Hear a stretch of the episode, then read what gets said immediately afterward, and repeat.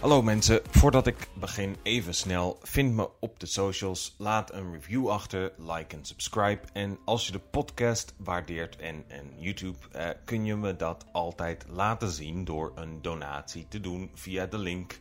Eh, dat was het, laten we praten over onze kindertijd. Want we zijn allemaal grote kinderen, denk ik graag. Studenten die ik spreek die zich geen kind meer voelen, missen dat gedeelte van zichzelf vaak. Sommige studenten vragen mij zelfs: hoe krijg ik dat deel van mezelf terug? Hoe blijf ik spelen als ik een gezin heb en mijn tijd moet gebruiken om geld te verdienen? Veel mensen missen de zorgeloosheid van hun kindertijd. Een tijd toen onze ouders nog de echte problemen voor ons oplosten. We hoefden nog niet te denken aan de hypotheek of aan verzekeringen. Er werd voor ons gekookt en er werden kleren voor ons gekocht. We zouden graag weer even helemaal ons hoofd leegmaken en een tijd lang alleen doen wat we willen op het moment dat we dat willen doen. En ons geen zorgen maken over de gevolgen, de effecten. Leven in het moment. Een geluk dat we alleen ervaren op momenten dat we ons compleet concentreren op het doen van iets dat we heel leuk vinden, zoals muziek maken of iets speciaals koken. Eh, niet voor een uurtje, maar voor een jaar dat gevoel van zorgeloosheid terugkrijgen is heel fijn, maar natuurlijk was niet voor iedereen de kindertijd heel leuk. Voor sommige mensen was het een nachtmerrie. Sommige mensen hadden helemaal geen leuke jeugd, die hadden een jeugd vol trauma's waar ze nog elke dag mee vechten. En voor de meeste mensen ligt het er waarschijnlijk een beetje tussenin. Onze jeugd was niet perfect, maar ook geen nachtmerrie. Misschien denken we positief over onze jeugd, maar zelfs dan zijn er nog altijd ongezonde gedachten of gewoontes die we hebben, die hun origine hebben in onze jonge jaren, zonder dat we ons daar bewust van zijn. Die negatieve invloed kan van veel plaatsen komen, maar onze ouders waren voor de meeste mensen de grootste invloed op ons toen we nog kind waren. We vergeten heel makkelijk dat de autoriteiten die wij papa en mama noemen eigenlijk geen autoriteiten waren in het opvoeden van kinderen. Toen ze ons kregen, zeker de eerste kinderen, hadden ze geen idee wat ze deden. Ze deden of ze hadden misschien een boek gelezen of met vrienden gepraat, maar zij hadden geen idee van hoe het echt zou zijn om kinderen te hebben. Hoe zwaar het zou zijn en hoe ze op elk van een duizend mogelijke situaties zouden moeten reageren. Dat moesten ze in de meeste gevallen zelf uitvinden. Als kinderen zagen we ze evengoed vaak als de ultieme autoriteit. Als je vader het zei, dan was het waar. Als je moeder iets vond, vond jij dat ook. Het is een pijnlijk moment wanneer je er als kind of tiener achterkomt dat deze mensen die jou helpen en beschermen eigenlijk niet veel meer over het leven weten dan jijzelf. Dat ze ook niet alle antwoorden hebben en wij als ouders later ook niet.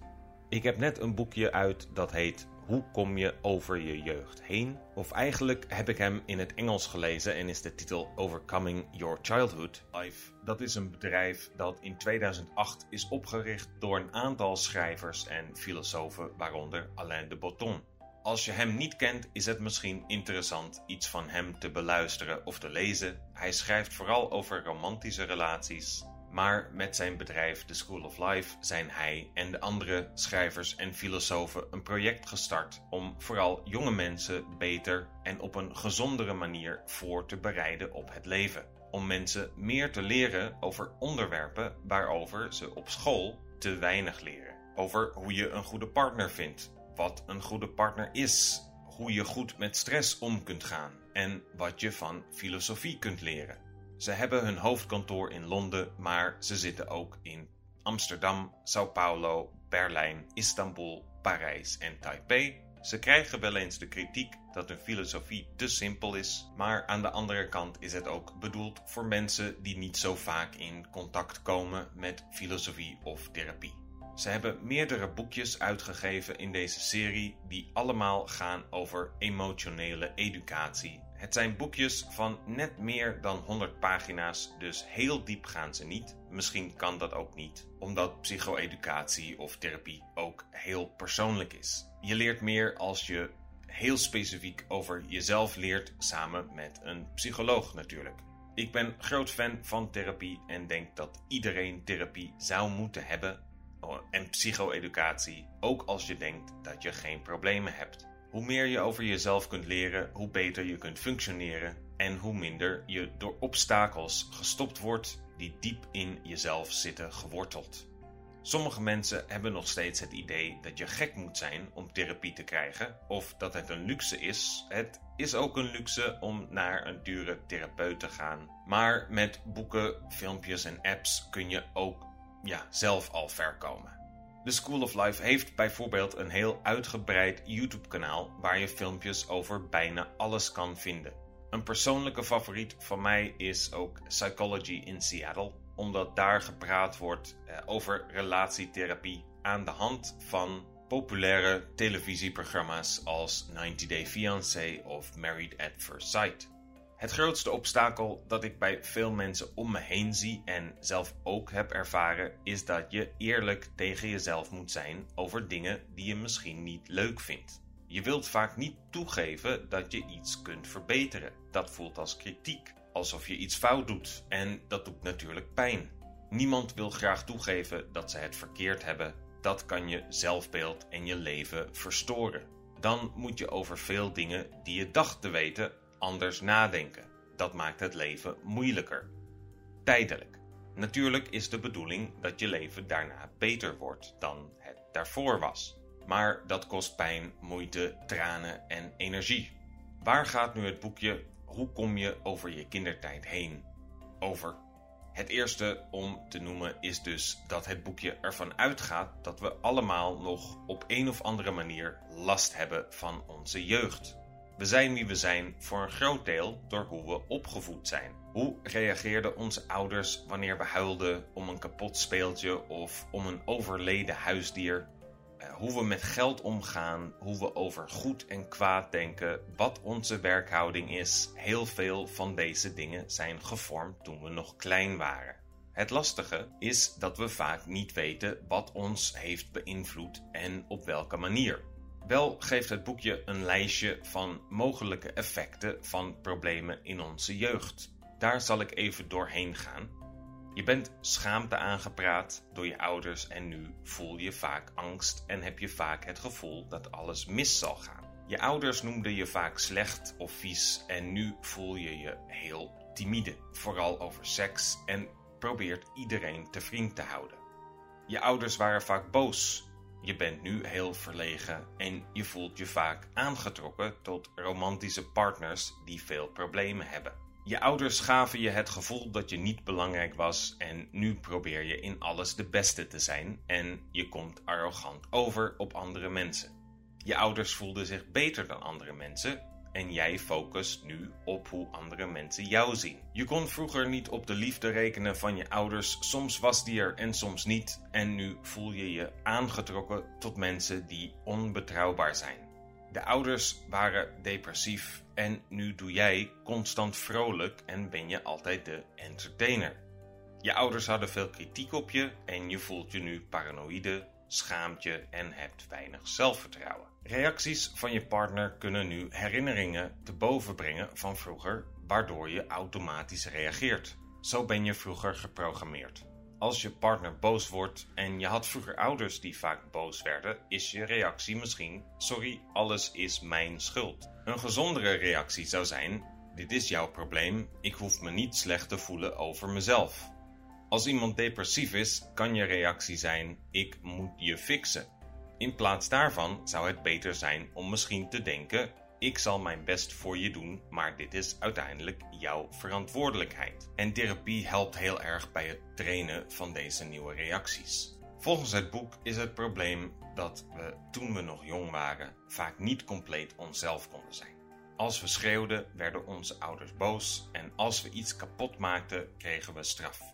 Maar vaak waren dit de enige manieren waarop we konden laten zien hoe we ons voelden.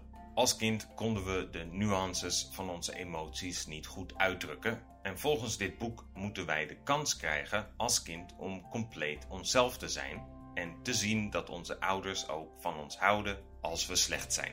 Dat maakt ons robuust en zeker van de liefde die er altijd voor ons zal zijn.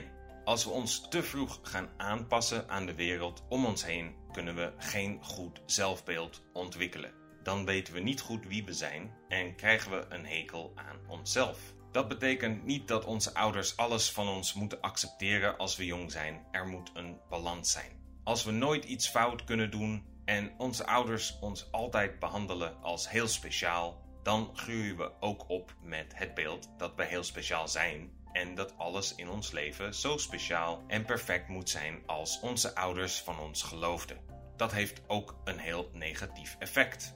En als we zo'n negatief effect beïnvloed worden, dan kunnen we later in het leven een crisis hebben. Een crisis is een teken van het lichaam en de geest dat het niet verder kan. Ze hebben je meerdere keren berichten gestuurd die je niet hebt herkend of genegeerd en nu is het op. Je kunt dus zeggen dat een crisis goed is, dat het je een kans geeft om iets aan je leven te veranderen. Natuurlijk is het beter om een crisis te voorkomen, maar soms heb je misschien geen andere keuze. Je kunt zeggen dat we twee dingen nodig hebben om niet in een crisis terecht te raken. Het eerste is een emotionele connectie met mensen om je heen, familie en vrienden. Liefde in alle vormen houdt ons emotioneel gezond. Daarom is het zo pijnlijk wanneer een vriendschap of liefde eindigt. Het tweede dat je nodig hebt is een vorm van zelfexpressie. Op welke manier heb jij, groot of klein, een invloed op de wereld die je achterlaat wanneer je dood bent? Dat kan door een goede financiële situatie achter te laten voor je kinderen of door een boek te schrijven. Dat kan op allerlei manieren, maar is net zo belangrijk als liefde. De meter hiervoor is de waardering die je voelt. En daarom doet het weer zoveel pijn als een studie niet lukt of je je interesse kwijtraakt voor een baan die je eerst leuk vond. Onze levens zijn Griekse tragedies. Griekse tragedies beginnen nooit met grote problemen. Ze beginnen met kleine probleempjes waarvan niemand kan vermoeden dat ze later grote gevolgen zullen hebben. Zo is het ook met onze levens. Vaak hebben mensen het gevoel dat ze niet moeten klagen, dat ze in hun jeugd geen grote conflicten hadden en dat ze daarom nu gewoon zonder te klagen moeten doorgaan. Maar deze kleine conflicten aan het begin van ons leven kunnen een sneeuwbaleffect hebben en voor je het weet ben je een Oedipus of een Medea. En als je een crisis hebt, is het een goed idee om in therapie te gaan. Dit kan je veel nieuwe inzichten geven. Natuurlijk kan de therapeut je vragen stellen waar je zelf niet aan gedacht had, of je een ander perspectief geven. Dat kunnen vrienden soms ook, maar aan je vrienden durf je soms niet alle details te vertellen. Of je wilt ze niet vervelen met je verhaal.